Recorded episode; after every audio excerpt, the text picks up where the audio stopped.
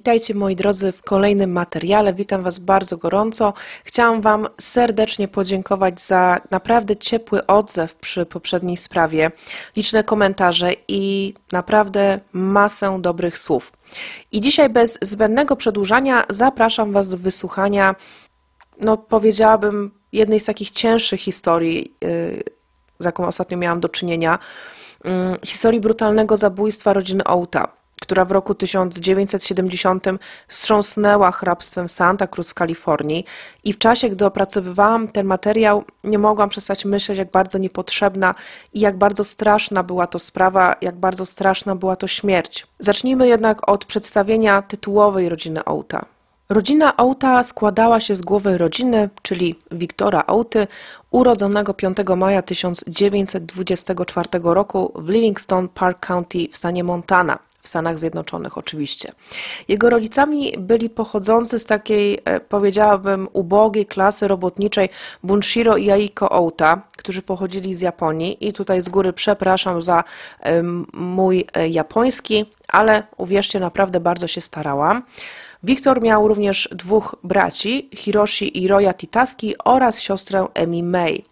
Wiktor był w Santa Cruz bardzo cenionym, szanowanym i znanym okulistą, ale żeby do tego doszło, musiał oczywiście ukończyć studia. Studiował medycynę na Northwestern University, a w roku 1954 wstąpił do sił powietrznych, uzyskując stopień majora. Niestety nie mogłam się dokopać. Um, do większej ilości e, jakichś informacji na temat jego czasu w młodości, a także tego, jak poznał się ze swoją przyszłą małżonką, czyli Virginią N. Tobias, która po ślubie zmieniła nazwisko również na e, nazwisko po mężu, czyli na Outa. Każdym razie Virginia urodziła się 30 czerwca 1927 roku w Streeter, LaSalle County w stanie Illinois Mm, a jej rodzice również pochodzili z klasy e, takiej robotniczej i ogólnie miała korzenie czechosłowackie. Virginia śpiewała także w miejscowym chórze w Santa Cruz i e, często modelowała mm, i szykowała suknie na pokaz mody w Santa Cruz Women's Club.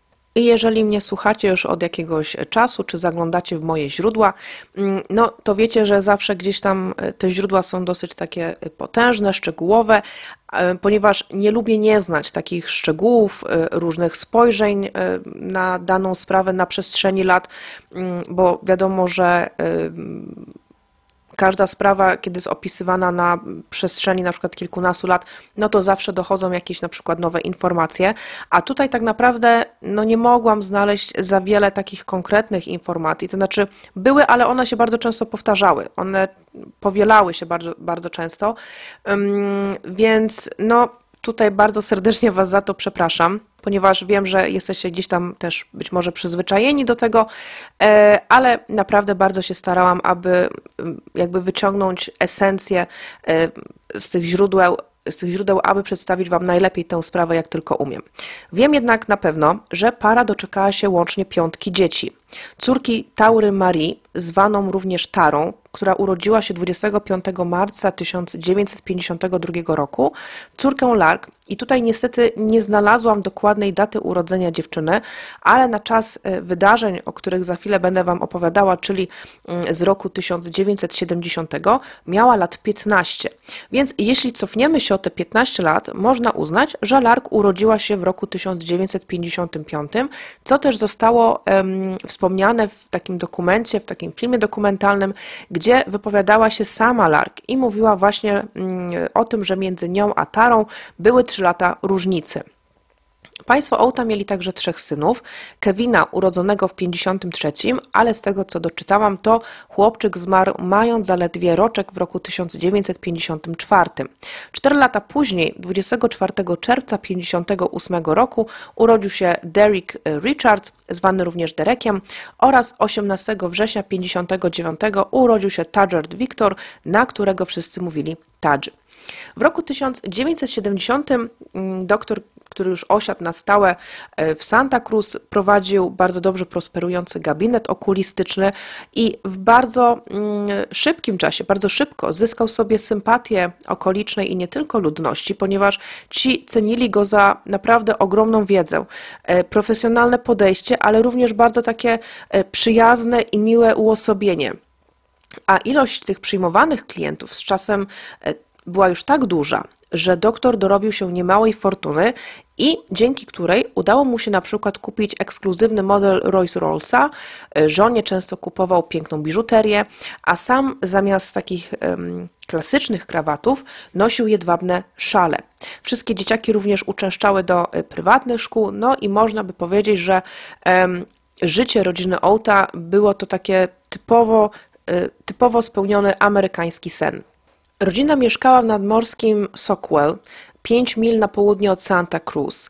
Rezydencja położona była dosłownie na szczycie wzgórza z widokiem na zatokę, e, a sam dom został zaprojektowany przez ucznia Franka Lloyda Wrighta, jednego z najbardziej znanych i no takich powiedziałabym ważniejszych architektów XX wieku.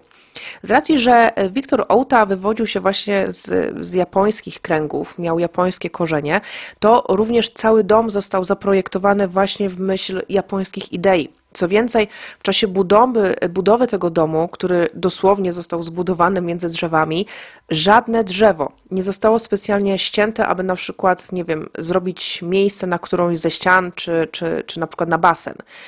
I wiele elementów wystroju, jakie znajdowały się w domu, jak na przykład naturalne kilimy, były tworzone przez samą Virginię. Doktor Outa, jak również jego cała rodzina tak naprawdę, kochali naturę. Do tego też stopnia, że na przykład e, w całym domu nie było w ogóle żadnych zasłon, tylko ogromne okna, e, wiecie, od podłogi do sufitu, aby można było każdego dnia spoglądać na ten gęsty i piękny las, mm, cieszyć się e, widokiem, no, który na pewno musiał gdzieś tam zapierać dech w piersiach, przebywając w szczególności na, na piętrach domu i spoglądając na widoki, które były za oknem. Dochodzimy jednak do momentu w tej historii, mm, dla którego w ogóle powstał ten podcast, mianowicie do wieczoru 19 października 1970 roku, kiedy to dwóch oficerów patrolujących okolicę miejsca zamieszkania właśnie rodziny Outa zauważyło gęsty dym y, na wzgórzach ich domu około godziny 20.10. Wezwali więc oczywiście straż pożarną, y, jeszcze inne tam jednostki typu policja i tak dalej. Mm, I jednostka, która odpowiedziała, udała się na 999 Rodeo Gulch Road, gdzie właśnie w domu rodziny Outa wybuchł pożar. Pierwsi przybyli strażacy zauważyli czerwonego Rolls-Royce'a i czarnego Lincolna Continentala, który, które były zaparkowane w taki sposób na przednich podjazdach, że dosłownie zagradzały im e, drogę do, do dojścia do, do domu. Widzieli, że dech, dach rezydencji zaczął palić się już na coraz większym obszarze, więc żeby dotrzeć do posiadłości, musieli w jakiś sposób usunąć te samochody, więc wybili w nich okna e, i odstawili na bok. Na pierwszy rzut oka strażacy nie słyszeli też żadnych krzyków dochodzących z domu, nie widzieli też nikogo na zewnątrz, więc stwierdzili, że prawdopodobnie mieszkańców posesji po prostu nie ma w domu. Strażacy mieli jednak nadzieję, że e, uda się wykorzystać basen, który znajdował się na podwórku, na, na tyłach domu, jako takie dodatkowe źródło wody. Więc komendant Ted Pound, który znał rodzinę Ołta osobiście oraz jakby układ czy rozmieszczenie pewnych y, rzeczy na posesji, zaczął szukać hydrantu przeciwpożarowego, ponieważ wiedział, że został on specjalnie zainstalowany w tym celu na podwórku. I wydawało mu się, że hydrant ten był ukryty y, gdzieś tam pomiędzy y, krzakami, jednym właśnie z egzotycznych krzewów. Zatem wyjął latarkę, a ponieważ no, był już to wieczór, październik, więc no, za dużo dobrego oświetlenia w tym miejscu nie było, musiał się jakoś doświetlić. I gdy tak świecił tą latarką, w pewnym momencie mm, skierował źródło światła w stronę basenu, który był właśnie tuż obok tych krzaczków. I gdy to zrobił, zobaczył, że na tafli wody unosi się ciało chłopca. Gdy w tych ciemnościach zaczął oświetlać e, latarką pozostałą część basenu, Zobaczył, że ich przybycie do pożaru jednak nie będzie wyłącznie sprawą zwykłego podpalenia, czy też jakiegoś tam nieszczęśliwego zdarzenia, e, być może jakiegoś zwarcia, czy wybuchu gazu, ponieważ w basenie zobaczył łącznie pięć martwych ciał. Chociaż inna wersja, jaką znalazłam w źródłach, była też taka, że y, dwóch strażaków weszło na dach domu, na jakąś tam jeszcze niepodpaloną y, część, która się jeszcze no, gdzieś tam nie paliła na tyle, żeby oni nie mogli wejść na ten dach, y, aby właśnie gasić pożar z góry. I przebywając na tym dachu tego domu, zobaczyli właśnie pływające w basenie ciała. Na drugi dzień, gdy teren był już całkowicie ogrodzony, prowadzono pierwsze oględziny e, w świetle dziennym. E, okazało się, że jedno z ciał unosiło się na wodzie, podczas gdy inne leżały już na dnie basenu. W całym basenie oczywiście znajdowało się bardzo dużo, znaczy no w sumie nie oczywiście, no bo um, to na pierwszy rzut oka mogło nie być takie oczywiste, e, ale znajdowało się bardzo dużo krwi. I ta woda momentami była już, no zamiast być przeźroczysta, czy tam zabarwiona od jakiegoś barwnika takiego basenowego, to naprawdę była wściekle czerwona. Jak się okazało, wszystkie ofiary były skrępowane, zarówno dłonie, jak i oczy y, mieli przewiązane tymi jedwabnymi chustami, które, jak wspominałam wcześniej, nosił doktor Outa. W jednym źródle czytałam także, że e, wszyscy mieli te, tymi chustami związane oczy, a dodatkowo pani Outa była też jedną taką chustą zakneblowana. Szybko y, oczywiście zidentyfikowano wszystkie ofiary. Był to 46-letni Wiktor Outa, 43-letnia Virginia Outa i ich y, dwójka synów, 12-letni Derek i 11-letni Touch oraz sekretarka doktora Outy, 38-letnia Dorothy Cadwater.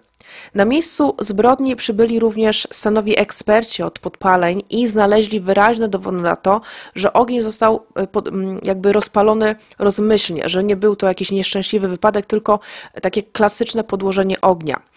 Główna część tego ogromnego domu o wartości szacunkowej od 250 tysięcy do 300 tysięcy dolarów, co na tamte czasy to była naprawdę ogromna kwota mm, za taki e, dom e, gdzieś tam na właśnie wzgórzach Santa Cruz, została doszczętnie spalona, ale ulewa, która niestety została śledczy gdzieś tam w tych wczesnych godzinach porannych, spowodowała, że niestety, ale wiele dowodów, które znajdowało się na zewnątrz, praktycznie mogło w tym momencie zniknąć wraz właśnie z pojawieniem się deszczu. Raporty z sekcji zwłok wskazywały, że dr Outa został dwukrotnie postrzelony w plecy i raz w głowę z pistoletu kalibru 38, podczas gdy każda z obu kobiet i chłopcy otrzymali po jednym strzale w tył głowy. Użyto na nich pistoletu kalibru 22, a w płucach ofiar była obecna woda, co oznaczało, że Niektóre z, niektórzy z nich mogli nadal żyć po wrzuceniu do basenu, a następnie niestety albo utonęły, albo wykrwawiły się na śmierć. Na konferencji prasowej szeryf wskazał, że prawdopodobnie według wstępnych ustaleń wynikało, że sprawców było więcej niż jedna osoba, ponieważ uważano, że ym, zabójca czy właśnie zabójcy podpalili dom, aby zwrócić uwagę na te brutalne morderstwa.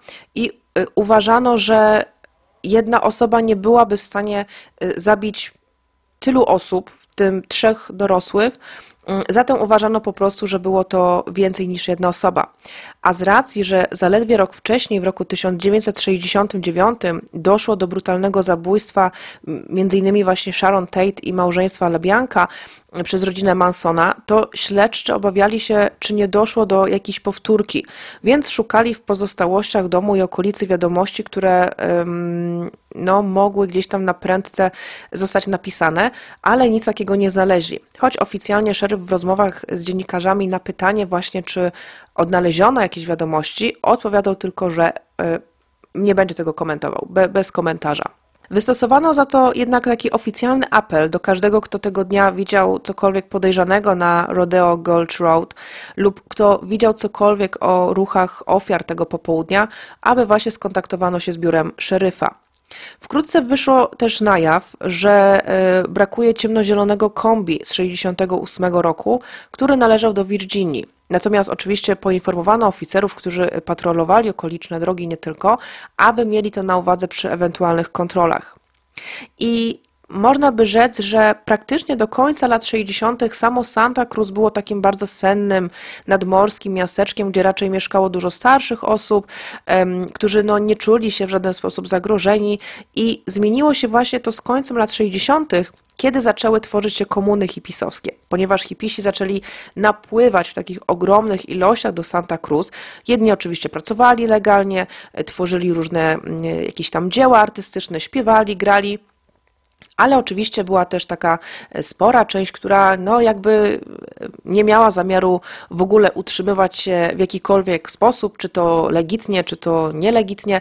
E, woleli za to koczować na łonie natury, brać narkotyki lżejsze, cięższe i ogólnie oddawać się różnym takim uciechom cielesnym i nie tylko. To spowodowało bardzo duże poruszenie ze strony, powiedziałabym, rdzennych mieszkańców Santa Cruz, którzy no średnio byli gdzieś tam zadowoleni z tego, Mm, jakiego pokroju ludzie e, zaczęli gromadzić się w ich miasteczku. Był to również okres, kiedy e, hipisi zaczęli namiętnie zaczytywać się w różnych pozycjach, czy poznawać tajniki magii, tajniki okultyzmu, tarota czy astrologii. Następnego dnia po odkryciu ciał w mediach rozeszła się informacja, że władze hrabstwa oferują aż 25 tysięcy dolarów za informację o tej zbrodni, która oczywiście e, no, przyczyniłaby się do wykrycia i złapania sprawcy.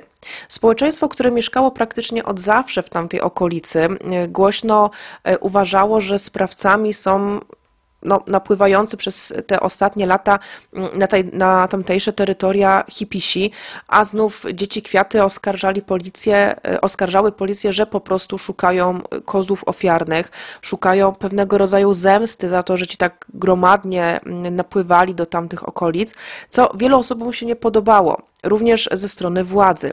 Co więcej, zaczęto nawet organizować patrole obywatelskie, wzrosła także liczba kupowanych broni ze strony mieszkańców. Czytałam, że nawet w jednym sklepie sprzedaż wzrosła aż o 500%.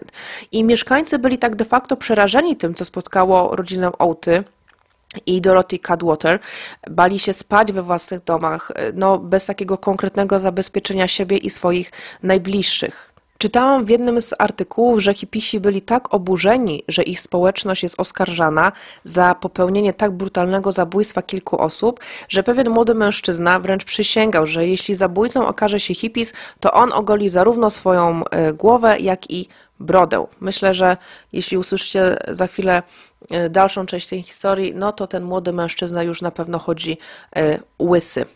Burmistrz Santa Cruz Ernest Wicklund, widząc, że relacje między e, właśnie rdzennymi mieszkańcami a hipisami są coraz bardziej napięte i co ukrywać, mogące eskalować w każdym momencie tak naprawdę do ogromnej przemocy.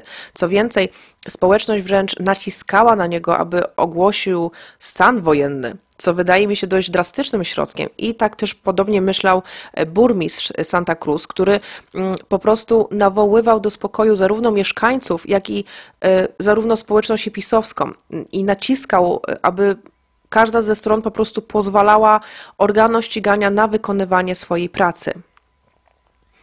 Jack Cadwater, mąż zamordowanej sekretarki doktora Ołty, spędził noc po tym, jak usłyszał o śmierci żony z naładowaną bronią, pilnując dwójki ich dzieci i nie pozwolił też żadnemu dziennikowi opublikować jego adresu, argumentując to tym, że nie chciał, aby do jego domu czy tam w ogóle okolicy przychodzili jacyś szaleńcy, jak to określił w rozmowie z dziennikarzami. Uważał, że było to dzieło podobne do tego, jakiego dokonała rodzina Mansona.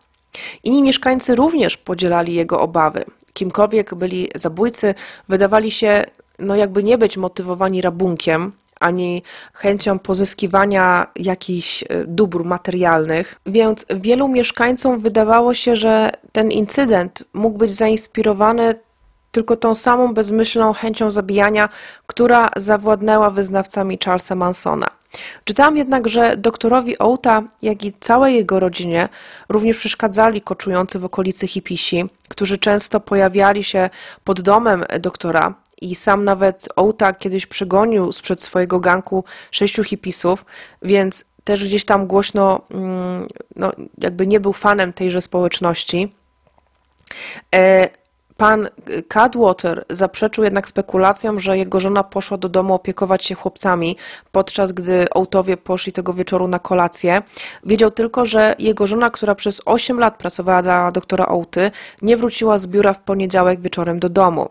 Nie pracowała normalnie jako opiekunka w domu Ołty, więc nie miał jakby sam pojęcia, dlaczego znajdowała się tego feralnego wieczoru w ich domu. Ale to zostanie również w późniejszym czasie wyjaśnione, bo właśnie mam wrażenie, że jednak e, pani Cadwater nie była wyłącznie jakby sekretarką doktora Ołty, ale również taką, no powiedziałabym, dobrą ciocią e, całej rodziny, zwłaszcza dzieciaków, co też Lark e, Ołta wypowiadała się w dokumencie, że oni mówili nawet na Dorothy Cadwater per ciocia, więc no nie była tylko, powiedziałabym, zwykłą pracownicą doktora Ołty, ale była też praktycznie takim członkiem rodziny.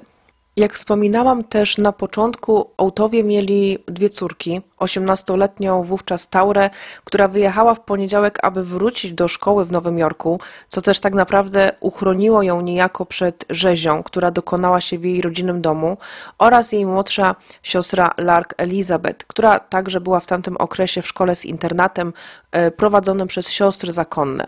Obie siostry zostały oczywiście natychmiast poinformowane o tej niewyobrażalnej tragedii, jaka spotkała ich rodzinę. Mm, przyjechały do Santa Cruz, aby no, spotkać się z resztą krewnych i zacząć przygotowania mm, do ostatniego pożegnania rodziców oraz rodzeństwa. Późnym wtorkowym popołudniem około 16.45 odnaleziono samochód należący do Virginii w tunelu Rincon w Southern Pacific Railroad w pobliżu Henry Cowell State Park i ktokolwiek go ukradł, wjechał w głąb tego tunelu kolejowego podpalił i zbiegł z miejsca zdarzenia. To jest jedna wersja. Inna wersja mówi też o tym, że samochód został potrącony przez jadący pociąg i w tamtym momencie również porzucony. Co ważne, okazało się, że silnik, y, kiedy y, funkcjonariusze i śledczy go tam sprawdzili, dotknęli, mm, okazało się, że był jeszcze ciepły, co oznaczało, że złodzieje y, tego samochodu nie uciekli zbyt daleko. Śledczy, którzy objęli tę sprawę, zaczęli oczywiście intensywne poszukiwania sprawcy lub sprawców tych bestialskich zabójstw oraz podpalenia. E, około setki funkcjonariuszy, w tym szeryfów okolicznych hrabstw, e, miejscowych policjantów, szukało sprawcy lub sprawców tego strasznego mordu.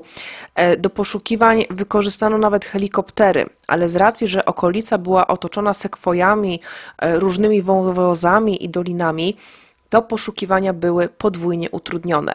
Technicy kryminalistyczni rozpoczęli także swoją pracę e, przy samochodzie, mając nadzieję, że odnajdą e, no, jakieś odciski palców lub inne dowody, które doprowadzą ich do podejrzanych. Podobno tego samego dnia e, pewna kobieta widziała trzy osoby, podejrzane osoby, tak to było opisywane, w pobliżu skradzionego samochodu, a trzy zestawy śladów w tym jeden wykonany bosymi stopami prowadziły właśnie z tunelu do pobliskiej rzeki.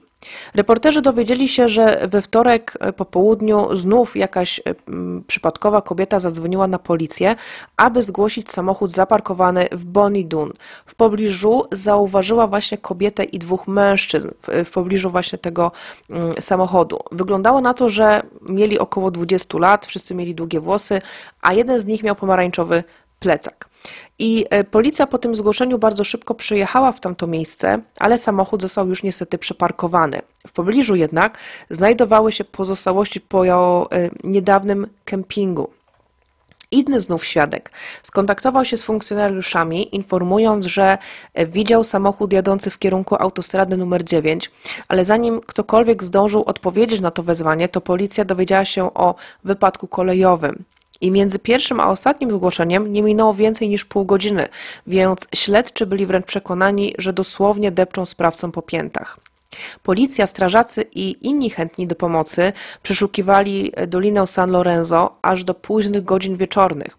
Ale gdy zbliżyła się no już taka głęboka noc, e, pamiętajmy, że był to październik 70 roku, e, no to poszukiwania musiały zostać e, jakby odwołane ze względu na trudność w poruszaniu się w terenie, a tych trzech tajemniczych hipisów wciąż jak nie zostali odnalezieni, tak nie zostali e, odnalezieni. Następnie w mediach opublikowano, że w noc morderstwa pod wycieraczką na przedniej szybie e, samochodu doktora Outy znaleziono notatkę napisaną na maszynie do pisania, która znajdowała się w domu. I ta treść tej notatki wzmocniła niestety tylko obawę, że to może być kolejny atak e, ze strony hipisów, ponieważ notatka brzmiała tak. Halloween 1970. Dziś rozpoczęła się trzecia wojna światowa, wypowiedziana Wam przez ludzi z wolnego wszechświata. Od teraz każda firma i osoba, która niszczy środowisko, zostanie skazana na śmierć. Podpisano rycerz buław, rycerz kielichów, rycerz pentakli, rycerz mieczy. I te ostatnie nazwy rycerzy pochodzą z talii tarota. Sama nie znam, nie znam jakby się na tarocie kompletnie. E, jakoś się też nigdy tym wybitnie nie interesowałam, więc e, no, musiałam trochę się podszkolić w tej materii. I teraz tak, to, co e, wyczytałam. Jeżeli coś źle tutaj opowiedziałam, przedstawiłam, to proszę poprawcie mnie, jeżeli ktoś się zna właśnie na wykładaniu tarota. W każdym razie ci wyżej wymienieni rycerze odpowiadają ko konkretnie za y, żywioły. Rycerz buław, czy też zwany rycerzem kijów czy różdżek, to y, symbol ognia. Rycerz kielichów mm, czy pucharów, też, też widziałam taką nazwę, to woda, symboli symbolizuje właśnie wodę. Rycerz pentakli, denarów czy też monet reprezentuje ziemię, a rycerz mieczy to reprezentacja powietrza, czyli cztery żywioły, które istnieją w naturze, ale rycerze ci odpowiadają też za pewne kwestie związane z człowiekiem, naszych wewnętrznych ja, takich jak emocje, inicjatywa, e, ekspansja, uczucia, praca, finanse, myśli czy intelekt. Takim też sposobem e, kiedy właśnie ta notatka została opubliczniona, e, upubliczniona właśnie w mediach, w różnych dziennikach i tak dalej, to odnalazło się trzech mężczyzn z lokalnego takiego miejsca spotkań przy Front Street, y, znanego jako The Catalyst, i którzy po przeczytaniu tego komunikatu prasowego zdecydowali się przedstawić policji to, co wiedzieli na temat tej sprawy, a byli to również um, mężczyźni, którzy pochodzili um, od, jakby no, ze strony hipisów. I ci trzej mężczyźni spotkali się o dziwo z prokuratorem Changiem i powiedzieli mu, że znają kogoś, komu bliskie mogą być te słowa napisane w notatce. Okazało się, że e, mężczyzna ten podróżował razem z nimi i podczas tych wspólnych wędrówek często wspominał o, cytuję, okradaniu materialistów. I wydawał się mocno, że tak powiem, wkręcony w to wszystko. Uważał, że materializm jest zły, szkodzi całemu światu, zatem takich ludzi, którzy są materialistami, trzeba po prostu tępić. I ci współtowarzysze nie traktowali go jakoś no, poważnie. Od jakiś tam y, bełkot po prostu faceta po LSD czy, czy innej tam marihuanie, ale gdy zobaczyli tę notatkę, jakby zgodnie stwierdzili, że to no jakby nie mógł być przypadek. Mimo, że byli hipisami i zwrócili się do śledczych, to y, początkowo mieli oczywiście pewne opory, ponieważ w pewnym sensie czuli, że y, zdradzają swojego pobratymca i bali się, że współpraca z policjantami może wywołać gniew ze strony reszty społeczności hipisowskiej, mm, ale mimo dość takich potężnych obaw, jakie odczuwali, to jednak wiedzieli, że no nie mogą tego zachować dla siebie i trzeba coś z tym zrobić.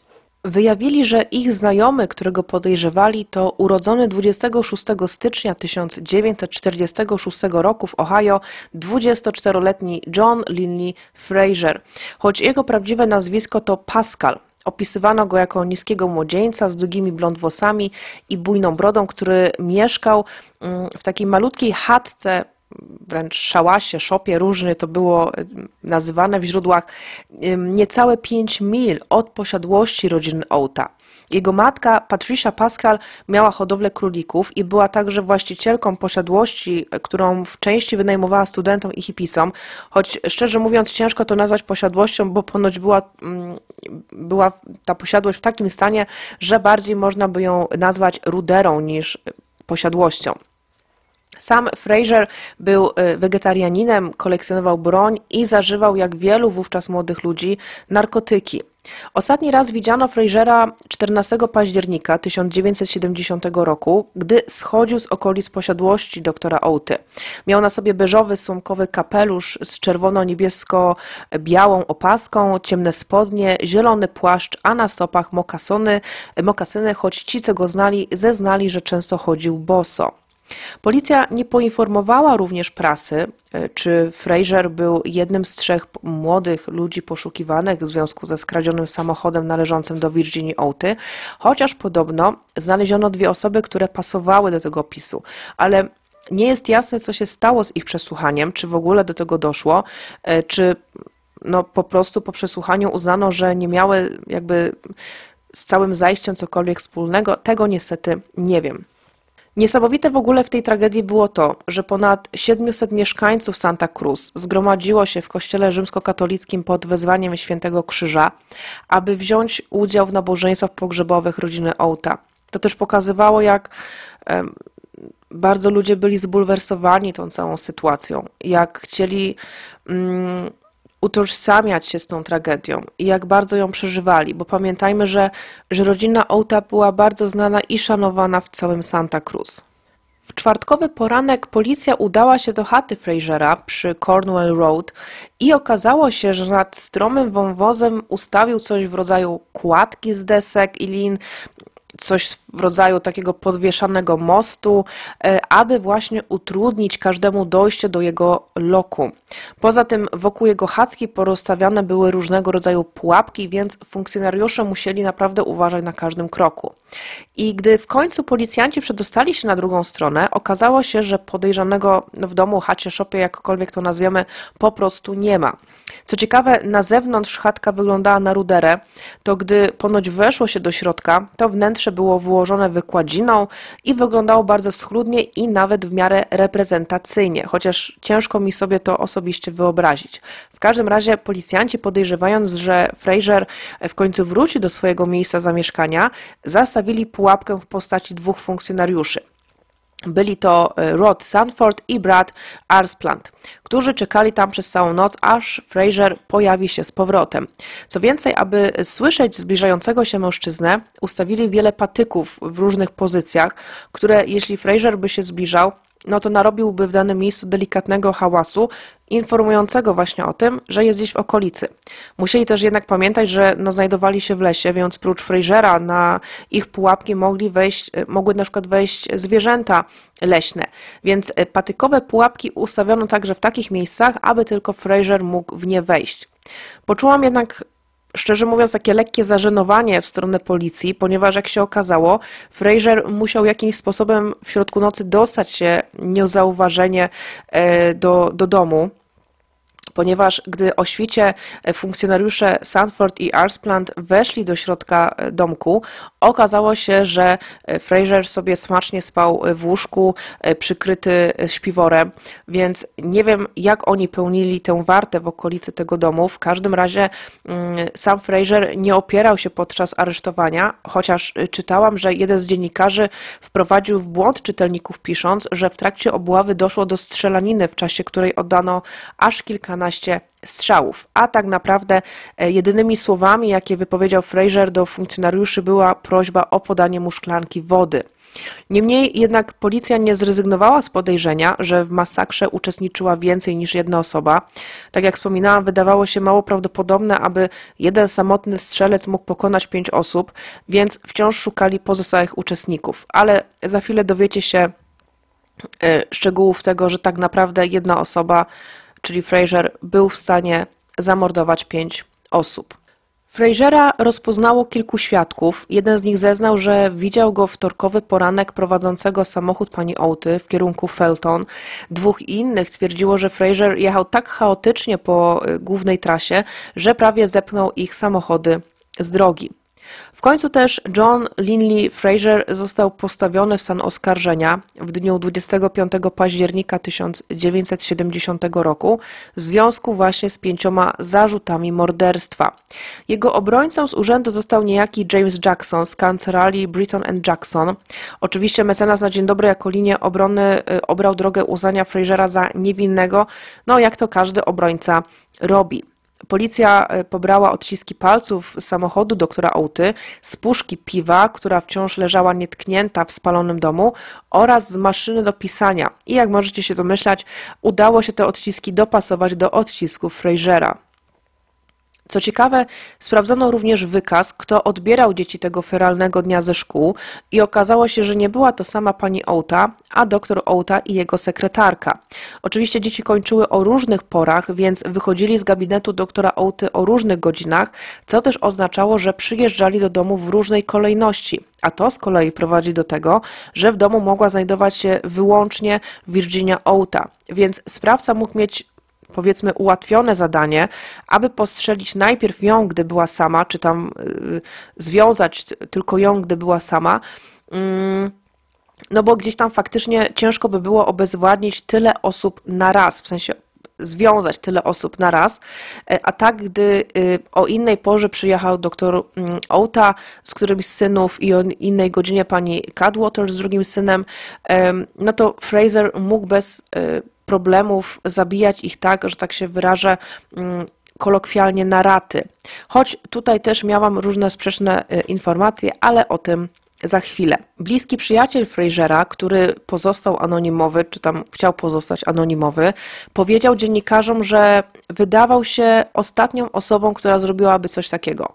Mówił o Fraserze jako niezawodnym mechaniku samochodowym i takim naprawdę rodzinnym człowieku, który miał kochającą żonę i pięcioletnią córkę. Powiedział również, że mm, Fraser ostatnimi czasy przyłączył się właśnie do społeczności hipisowskiej e, i często zdarzało mu się mówić w sposób, który nie miał najmniejszego sensu, aczkolwiek nigdy nie podejrzewałby go o dokonanie tak straszliwych e, czynów. Fraser nosił według anonimowego przyjaciela również łańcuszek z jakimś takim dziwnym symbolem jako zawieszkę. Często chodził bez butów, nie lubił nawet przedstawiać się swoim imieniem i nazwiskiem, a miewał takie dni czy mm, nawet tygodnie, kiedy chciał być zupełnie sam, bez innych współtowarzyszy, więc oni często uważali go za takiego trochę mm, zamkniętego w sobie introwertyka, który raczej nie miał ochoty jakby. Przebywać wśród tej społeczności hipisowskiej cały czas, tylko bardzo często gdzieś tam odcinał się od e, ich mm, e, towarzystwa. Choć co do tego idealnego opisu Frasera, to czytałam właśnie bardzo sprzeczne opinie, ponieważ jedni opisywali go jako takiego, mm, no tak jak kolega, jego przyjaciel anonimowy wyżej, jako takiego naprawdę mm, dobrego chłopaka z sąsiedztwa, e, a jeszcze inni, wręcz przeciwnie, jako człowieka takiego zbuntowanego, mającego twardy charakter i e, który był na bakier z całym światem. Żona Frasera, Dolores, którą od momentu jego odejścia żył w separacji, e, mieszkała ona właśnie w okolicy i przekazała śledczym pewne informacje o jego ruchach w dniach poprzedzających zbrodnię. Dolores zeznała, że w sobotni wieczór pomagała mężowi posprzątać jego chatkę w lesie i nawet spędzili tam e, razem noc. A gdy się obudzili, Fraser wyszedł z naładowanym pistoletem, lornetką i pomarańczowym plecakiem wraz z zapasami. Zostawił żonie prawo jazdy i swoją ulubioną książką na temat kart Tarota, mówiąc, że nie będzie jej już potrzebował. Dolores powiedziała również policji, że e, skradziony zielony samochód został pozostawiony w miejscu, gdzie Fraser często chodził pływać i wybierał się na pierwsze wędrówki. W pewnym momencie wspominałam Wam również to takie miejsce spotkań hipisów zwane The Catalyst okazywało się, że y, jakby po tym ataku y, na rodzinę Outa i kiedy mm, wyszły informacje, że mógł to być członek społeczności hipisowskiej, no to zaczęły się mm, naloty na, na to miejsce spotkań. Grożono y, różnymi atakami, wysyłano bardzo nieprzyjemne mm, wiadomości, notatki, które miały oczywiście na celu zastraszyć społeczność hipisowską. E, na tych notatkach Na przykład było napisane, że jedynymi dobrymi hipisami są martwi hipisi. Więc ci trzej wcześniej wspomniani mężczyźni, którzy przekazali policji istotne informacje o Fraserze, wydali oficjalne oświadczenie w dzienniku Santa Cruz Sentinel i w oświadczeniu tym wyrazili swoje obawy, swoje odczucia, jakie e, oni właśnie mieli wobec całej tej sprawy, jak i w imieniu całej społeczności hibisowskiej, e, która no nie chciała też być po raz kolejny kojarzona e, z taką straszną sprawą, z brutalnymi zabójstwami. Cytuję. Wszyscy jesteśmy obywatelami hrabstwa Santa Cruz i wszyscy jesteśmy zaniepokojeni tym, co wydarzyło się tutaj w tym tygodniu i co mogłoby się stać, gdyby nienawiść i wrogość nadal rosły między nami. Głupotą jest teraz nie ufać sobie nawzajem. Ale ogromna i wręcz rosnąca z każdą chwilą furia wśród społeczeństwa prowadziła do tego, że Fraser musiał być pod ścisłym i stałym nadzorem policji, aby nie doszło do publicznego linczu. Więc myślę, że tutaj e, mówienie o wzajemnym ufaniu sobie, myślę, że byłoby to ciężkie, że było to ciężkie do realizacji.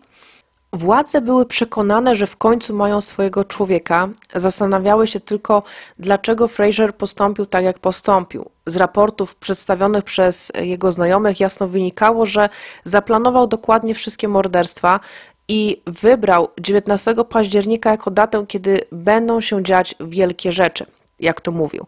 Ale nikt tak de facto nie wiedział, dlaczego akurat był to 19 października, a nie na przykład 21 listopada czy 1 grudnia.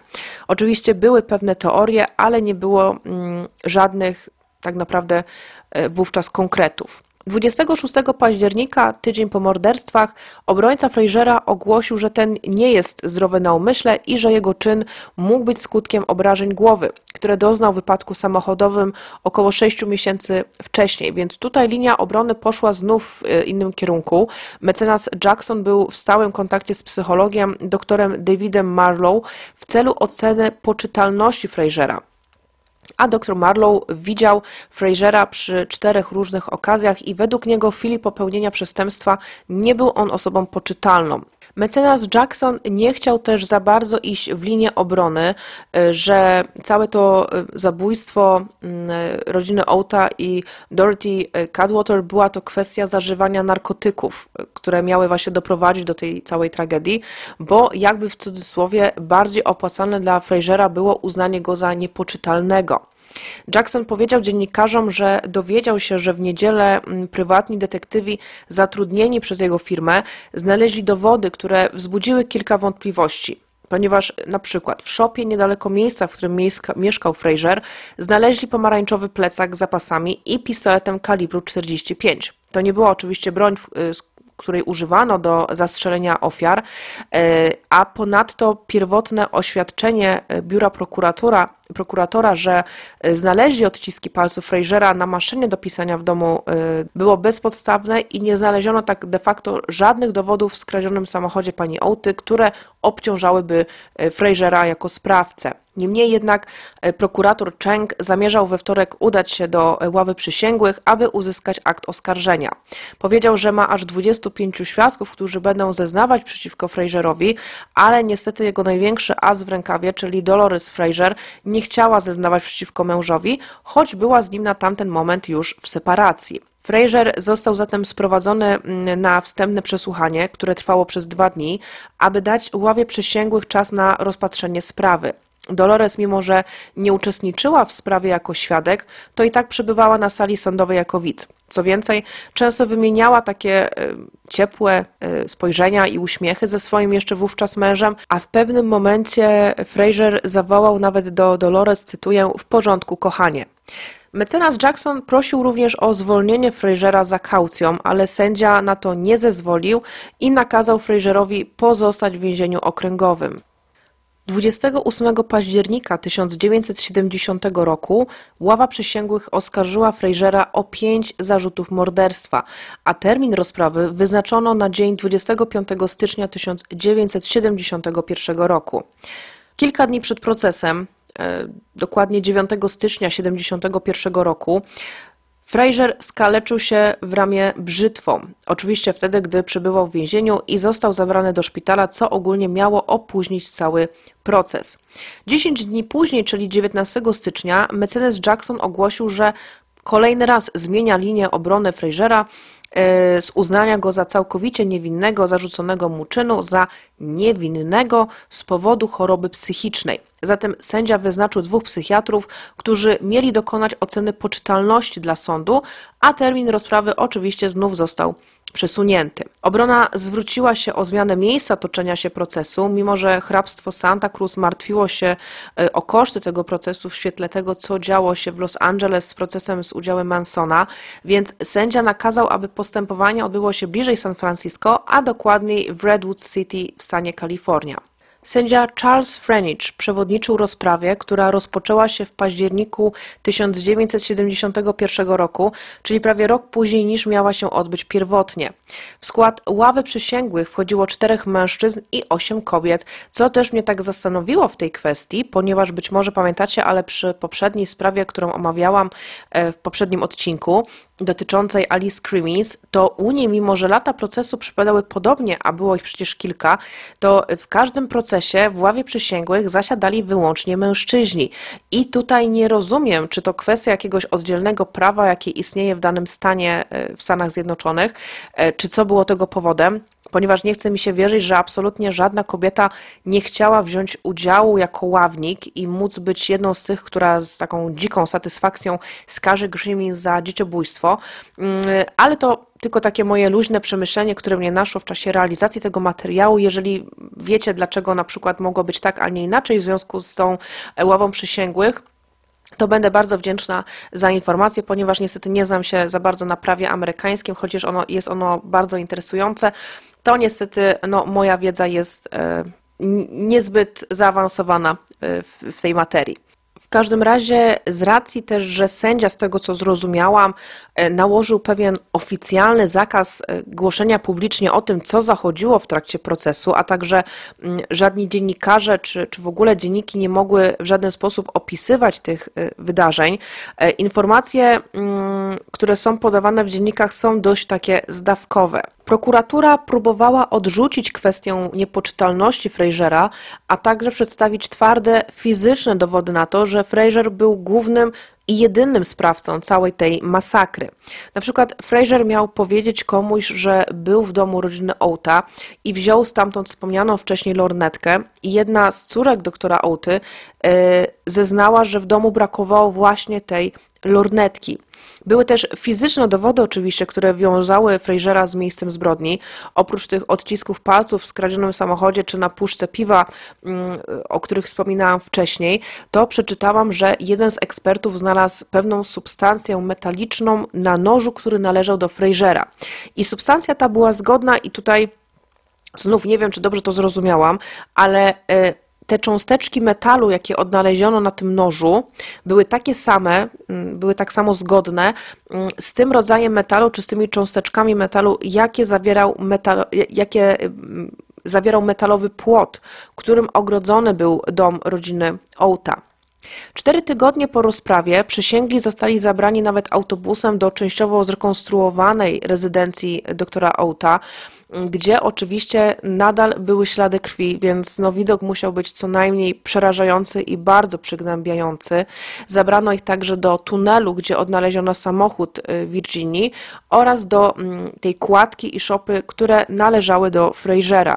I myślę, że to wszystko miało zapewne wywrzeć ogromne wrażenie, jak i utwierdzić ławę przysięgłych, że za tym wszystkim stoi wyłącznie John Fraser. W końcu ława przysięgłych w ostatnich dniach listopada wydała swój werdykt, oskarżając Frasera za popełnienie pięciu morderstw, jednak znów pojawiła się kwestia zdrowia psychicznego Frasera, ponieważ dr Marlow, czyli ten psychiatra, który działał na rzecz obrony, zeznał, że rozmawiał z Fraserem od 35 do 40 razy w ciągu ostatniego roku i słyszał trzy różne wersje tego, co Fraser twierdził, że robił 19 października 70 roku. Fraser według doktora Marlow był niepoczytalny w chwili popełnienia przestępstwa. Słyszał głosy od Boga, które kazały mu szukać zemsty na tych, którzy gwałcą środowisko i zeznał on, że tego popołudnia udał się do rezydencji rodziny Outa i zastał tam tylko panią domu, czyli Virginię Outa. I tutaj właśnie są różne wersje na ten temat. Jedna mówi o tym, że w domu była sama Virginia, ale w innych wersjach w domu była Virginia i młodszy syn. Potem miała przyjechać sekretarka Dorothy ze starszym synem, a na końcu doktor Outa. Fraser przy sobie miał rewolwer kalibru 38, e, ale gdy już związał e, chustkami Virginię samą lub synem, to zaczął rozglądać się po całym domu i takim sposobem znalazł pistolet kalibru 22. Strasznie go e, denerwował ten cały przepych, który widział w domu rodziny Outa. Nie mógł patrzeć na przykład na skóry zwierząt, które leżały gdzieś tam na podłodze czy, czy na ścianach. E, według niego było to straszne naruszenie praw natury, gdzie człowiek nie powinien, nie ma prawa zabijać zwierząt dla takich własnych uciech materialnych. Więc nie mógł się już doczekać, kiedy kolejni członkowie rodziny przyjadą do domu, aby mógł odebrać im życie. W jednej właśnie z wersji pod dom podjechała najpierw Dorothy Cadwater wraz z Tadżem i niestety weszli prosto w pułapkę Frasera, ponieważ ten natychmiast również ich związał. Wkrótce potem do domu miał dotrzeć także dr Outa i tutaj jak mówiłam wyżej są e, no jakby różne wersje, że przyjechał sam lub właśnie z synem Derrickiem. E, w innej znów wersji ta kolejność przybycia do domu była e, następująca, że najpierw przyjechał doktor E, dr Outa, potem Dorothy wraz z Tadżem, a na końcu Virginia wraz z Derrickiem. Ale niezależnie naprawdę od wersji, e, no, kto jak tam wracał do domu, wracali po prostu do, do, do niego w różnych przedziałach czasowych, co bardzo ułatwiło Fraserowi e, zadanie. Następnie wyprowadzał ich na brzeg basenu, lub w innej jeszcze wersji najpierw zabrał doktora Oute na zewnątrz, a później przyprowadził pozostałych. Różne są znów wersje tego zdarzenia, e, ale Fraser zeznał, że przy tym basenie pouczał, czy tam wykładał doktorowi o materializmie, jego negatywnym wpływie na całe środowisko. E, doktor początkowo był bardzo tak bojowo nastawiony, bardzo wyzywał Frasera od na przykład naćpanego hipisa, co tylko niestety jeszcze bardziej rozłościło e, Frasera i zaczął on raz po raz podtapiać doktora e, Oute w jego własnym basenie. I doktor, chcąc już w końcu gdzieś tam w tym wszystkim ratować życie swojej e, rodziny, jak i oczywiście swoje, próbował w jakiś sposób przekupić Frasera dobrami materialnymi, być może jakąś sporą ilością gotówki lub jakimiś innymi drogocennymi przedmiotami ale to tylko jeszcze bardziej rozsieczyło Frasera, który zagroził, że zaraz spali cały dom wraz ze wszystkimi w środku, jak i z całym dobytkiem. Próbował też niejako zmusić doktora, aby razem z nim spalił jego dom e, i dołączył do armii Boga, co, na, mm, co oczywiście no, doktor no nie, na, to, na, na, co doktor nie chciał się oczywiście zgodzić. Nie trzeba też mówić, że cała rodzina, mm, jak i Dorothy, byli przerażeni całą tą sytuacją, a Fraser z uporem maniaka e, pytał co chwilę każdego, czy wierzą w Boga, a na odpowiedź, że tak, że wierzą w Boga, miał im powiedzieć, że w takim razie nie mają się już czego bać. Następnie zastrzelił doktora Autę, potem Virginię, Dorothy i na końcu chłopców. Choć tutaj też źródła różnie podają, ponieważ w innej wersji najpierw wyprowadził kobiety i zabił je na zewnątrz, a następnie wszedł z powrotem do domu, zabijając chłopców y, a następnie wyniósł ich ciała na basen, a na końcu zabił doktora Autę, by jako ostatni widział przed swoją własną śmiercią śmierć swoich bliskich. Co ciekawe, po zabiciu dorosłych Fraser gryzł się z myślami, czy faktycznie musiał zabijać chłopców. E, co więcej, miał ponoć prowadzić takie rozmowy z Bogiem, mówiąc, że chłopcy są tak naprawdę niewinni, są nieskażeni żadnym grzechem wobec natury i przyrody. Mm, ale jak potem zeznał, Bóg nakazał mu również zabić chłopców, więc on tak naprawdę nie miał wyboru, ponieważ jako wysłannik Najwyższego jako wysłannik Boga po prostu musiał dostosować się do jego rozkazów.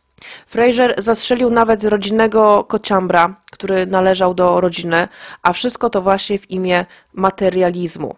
Słyszałam również taką wersję, że wraz z nim przebywały w domu jeszcze trzy inne osoby, a także, że spotkał się później z dwoma kolejnymi osobami i tak naprawdę suma summarum trudno było ocenić, co w tym wszystkim było prawdą, a co kłamstwem lub takim naginaniem rzeczywistości. Faktem było to, że pięć osób, w tym dzieci, zginęło brutalną i kompletnie bezsensowną śmiercią i każda z nich po śmierci wylądowała w basenie jak jakiś niepotrzebny odpad. Po wymordowaniu wszystkich, Fraser wszedł do domu, żeby napisać wspomnianą już wcześniej notatkę, którą zostawił w samochodzie doktora Auty, a następnie podpalił dom i uciekł samochodem w Virginii. Dr Marlow zakończył swoją relację mówiąc, że historie Frasera były w większości bardzo chaotyczne i że według niego był człowiekiem wybitnie niebezpiecznym i dosłownie szalonym. Doktor zeznał, że Fraser miał poważne problemy natury emocjonalnej, e, uczuciowej, nie myślał racjonalnie, co więcej, miewał halucynacje wzrokowe i słuchowe, przejawiał nadmierną religijność, o czym świadczą e, jego liczne podkreślenia wersów Biblii, którą zawsze miał przy sobie. E, sam Fraser porównywał się do Jana z Apokalipsy według świętego Jana, którą też namiętnie zaczytywał. Choć według doktora Fraser stworzył sobie taki ogólny system różnych wierzeń, oparty właśnie na e, chrześcijaństwie, e, na różnych założeniach e, okultystycznych, mm, na różnych systemach liczbowych, astrologii, reinkarnacji i nieśmiertelności, czyli wziął sobie z każdej części, co mu tam pasowało, wymieszał to wszystko w kociołku i tak powstała według niego jedna i jedyna prawda. Choć oczywiście prokurator Cheng słuchał tego wszystkiego z przekonaniem, no, na zasadzie, że Fraser kłamie, na każdym kroku i nie wierzy absolutnie w żadne jego problemy natury psychicznej i według niego jest po prostu psychopatą, który próbował oszukać wszystkich swoim, e, swoimi sztuczkami i manipulacjami. Aczkolwiek dr Marlow uważał, że bardzo duży wpływ na to, co Fraser zrobił, była postać Charlesa e, Mansona. I doktor uważał, że e, Fraser był takim przypadkiem e, klasycznej schizofrenii, gdzie mm, przez jakiś czas po prostu to wszystko narastało, narastało i w końcu musiało gdzieś mieć swoje ujście. Donald T. Lund był jednym z trzech psychiatrów sądowych, którzy zeznawali w sprawie Frasera.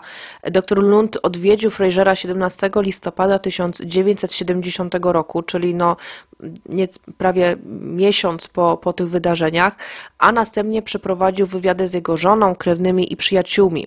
Twierdził, że Fraser był paranoicznym schizofrenikiem, który w czasie morderstw nie był w stanie wiedzieć, że to, co robi, jest złe. Doktor zeznał też, że Fraser powiedział mu, że jest agentem specjalnym wysłanym przez Boga, aby ocalić Ziemię. Jego żona również słyszała mm, te złudzenia już latem 1969 i 70 roku.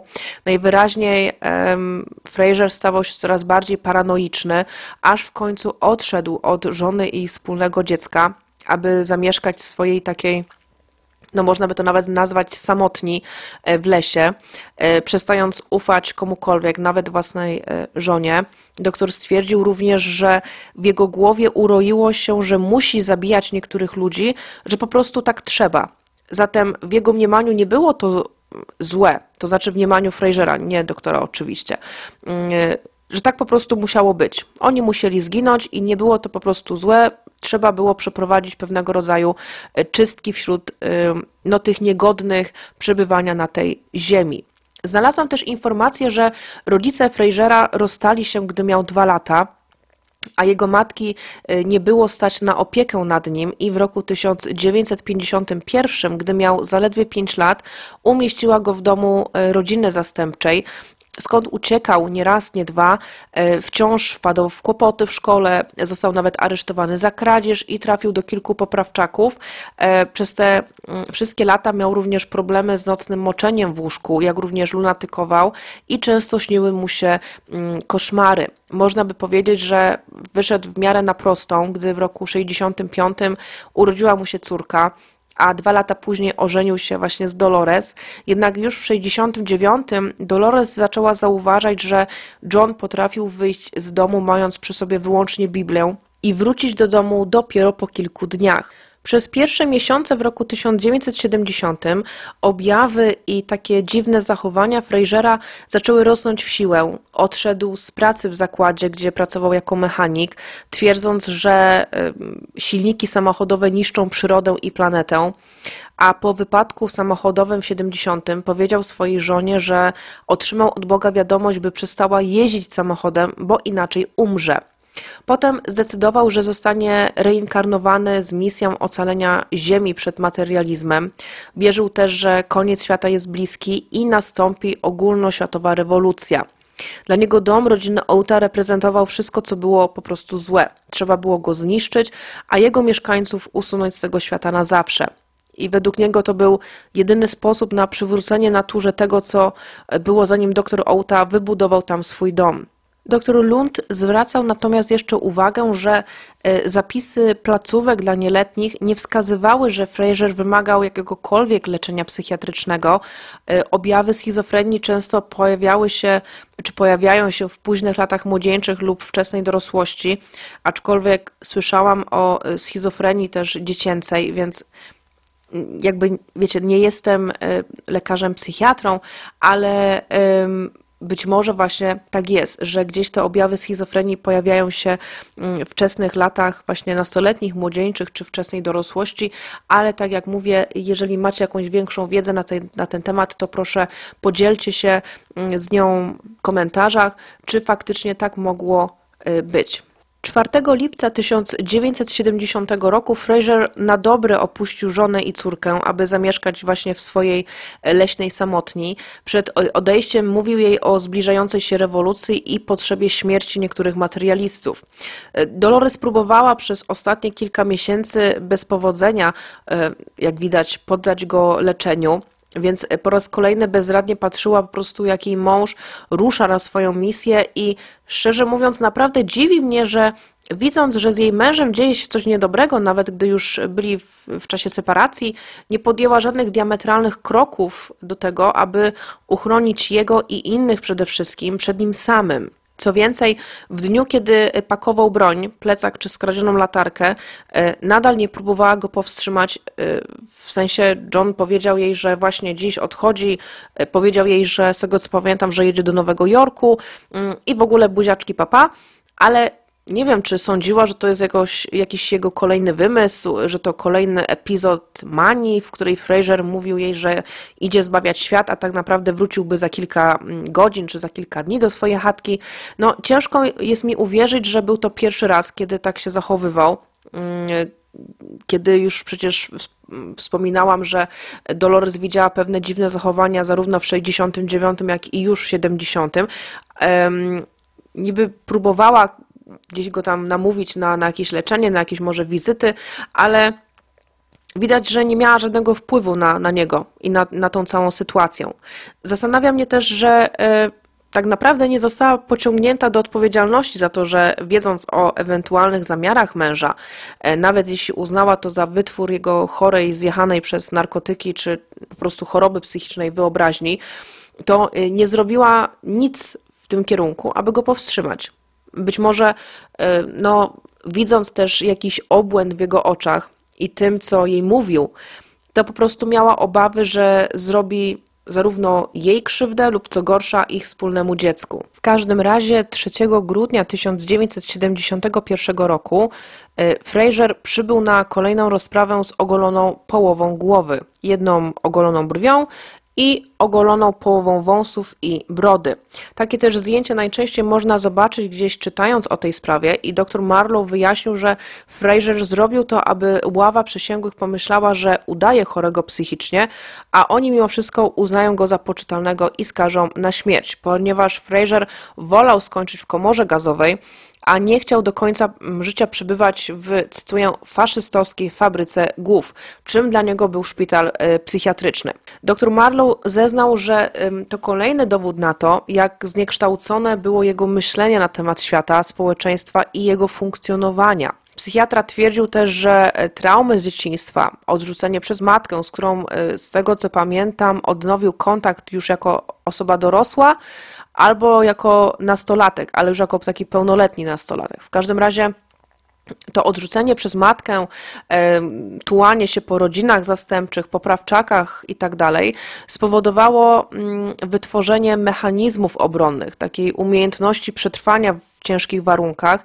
a te wszystkie negatywne emocje były w nim tłumione przez większość jego życia i tak naprawdę nie miały nigdzie ujścia. I u takiej osoby jak Fraser branie narkotyków typu LSD czy meskalinę, którą brał, e, mogło spowodować uaktywnienie lub wręcz wyolbrzymienie pewnych problemów natury psychicznej, które były w miarę mm, ujarzmione czy nie mm, jakby uzewnętrznione. E, I póki mężczyzna nie zaczął regularnie zażywać ciężkich narkotyków, które tylko mm, tak naprawdę spotęgowały te problemy psychicznie, no to jakoś w miarę funkcjonował. Prokurator Chang jednak nie zostawał w tyle. E, jeśli chodzi o ekspertów, i również przedstawił własnego eksperta, który przesłuchiwał Frasera przez dwie godziny. W drugim tygodniu grudnia 1971 roku psychiatra John Peschow z Agnes State Hospital powiedział, że Fraser cierpiał na zaburzenie osobowości, ale nie na psychozę. Był socjopatą, a nie schizofrenikiem i doceniał to, co zrobił i że zdawał sobie sprawę z tego, że to było złe. Mało tego, nie wyciągał wniosków w ogóle z tego, co zrobił i dlatego stanowił zagrożenie dla całego społeczeństwa.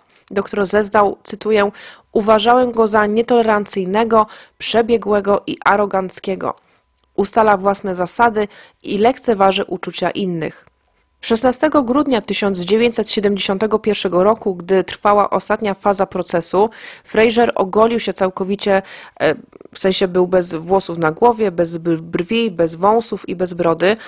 I ostatecznie ława przysięgłych uznała go za winnego i skazała na śmierć. Jednak kiedy Sąd Najwyższy uznał karę śmierci za niekonstytucyjną w 76, wyrok Frasera zamieniono na dożywocie. I przebywając przez te wszystkie lata w więzieniu stanowym Mull Creek w Ionie w hrabstwie Amador, gdzie właśnie odbywał tę karę dożywocia, Popełnił samobójstwo w wieku 62 lat, wieszając się w swojej celi 13 sierpnia 2009 roku y, i dokładnie o godzinie 13.33 stwierdzono jego zgon.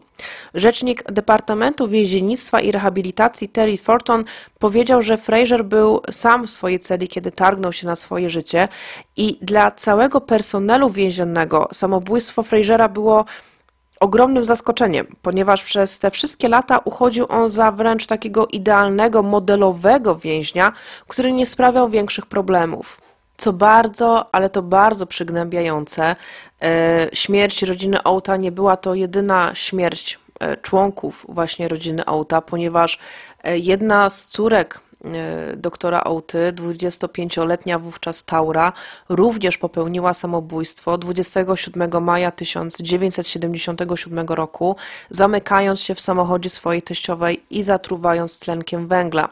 Z tego co czytałam, to Taura zmagała się z ogromną depresją po śmierci rodziców i braci, z którą nie umiała sobie poradzić i to popchnęło ją niestety do odebrania sobie życia. Niestety również dwa lata później, 5 grudnia 1979 roku, życie odebrała sobie matka doktora Outy, czyli Aiko Outa, która również nie umiała poradzić sobie z tą straszną tragedią i w wieku 78 lat powiesiła się w szpitalnej łazience w szpitalu Live Oak, gdzie przebywała.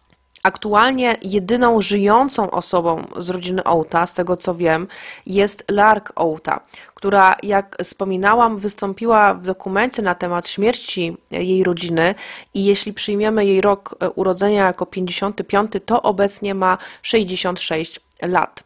Jestem w ogóle pełna podziwu dla niej, że jako piętnastolatka udźwignęła tak naprawdę niewyobrażalną tragedię i ciężar śmierci tylu bliskich osób, a później jeszcze siostry i babci.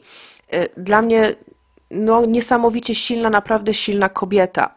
Y, w roku 1990 Lark udzieliła wywiadu dla Chronicle, gdzie wypowiedziała się na temat Frasera. Cytuję: Słyszałam, że zabójca mówił, że moi rodzice byli kapitalistycznymi świniami, które gwałciły środowisko i musiały umrzeć. Tak, mój tata miał drogie samochody, ale dbał o innych ludzi, dbał o ich oczy za darmo, jeśli nie mogli zapłacić. Zastanawiałam się również, co się stało z rezydencją rodziny Ołta po, po tej tragedii. Czy dom został zburzony, czy też odbudowany. I znalazłam informację tylko, że posiadłość wraz z otaczającymi ją dziesięcioma akrami została ostatecznie odrestaurowana. I to już w roku 1972 i wystawiona na sprzedaż przez Wells Fargo Bank za kwotę 185 tysięcy dolarów. No ale jak wiemy, jest to dosyć mocno obniżona wartość nawet po odbudowie. Niestety nie wiem, czy dom został w końcu zakupiony e, i przez kogo, ponieważ według źródeł, nawet w aktach Biblioteki Publicznej w Santa Cruz, nie było informacji o tym, kiedy posiadłość została sprzedana ani komu. I tym bardzo smutnym akcentem, to już koniec tej sprawy. Szczerze mówiąc, nigdy o niej wcześniej nie słyszałam, ale nie ukrywam, że naprawdę mocno wyryła się w mojej pamięci i przez kilka dni e, tworzenia e, tego materiału nie umiałam przestać o niej myśleć i nie przestawałam wciąż jej analizować. E, mam nadzieję, że dla Was również była interesująca. Zapraszam Was do komentowania tego odcinka, dzielenia się Waszymi przemyśleniami na ten temat i do ogólnej takiej dyskusji, oczywiście kulturalnej. Ze swojej strony ściskam Was bardzo, bardzo mocno. Trzymajcie się cieplutko, uważajcie na siebie, bądźcie zdrowi i do usłyszenia.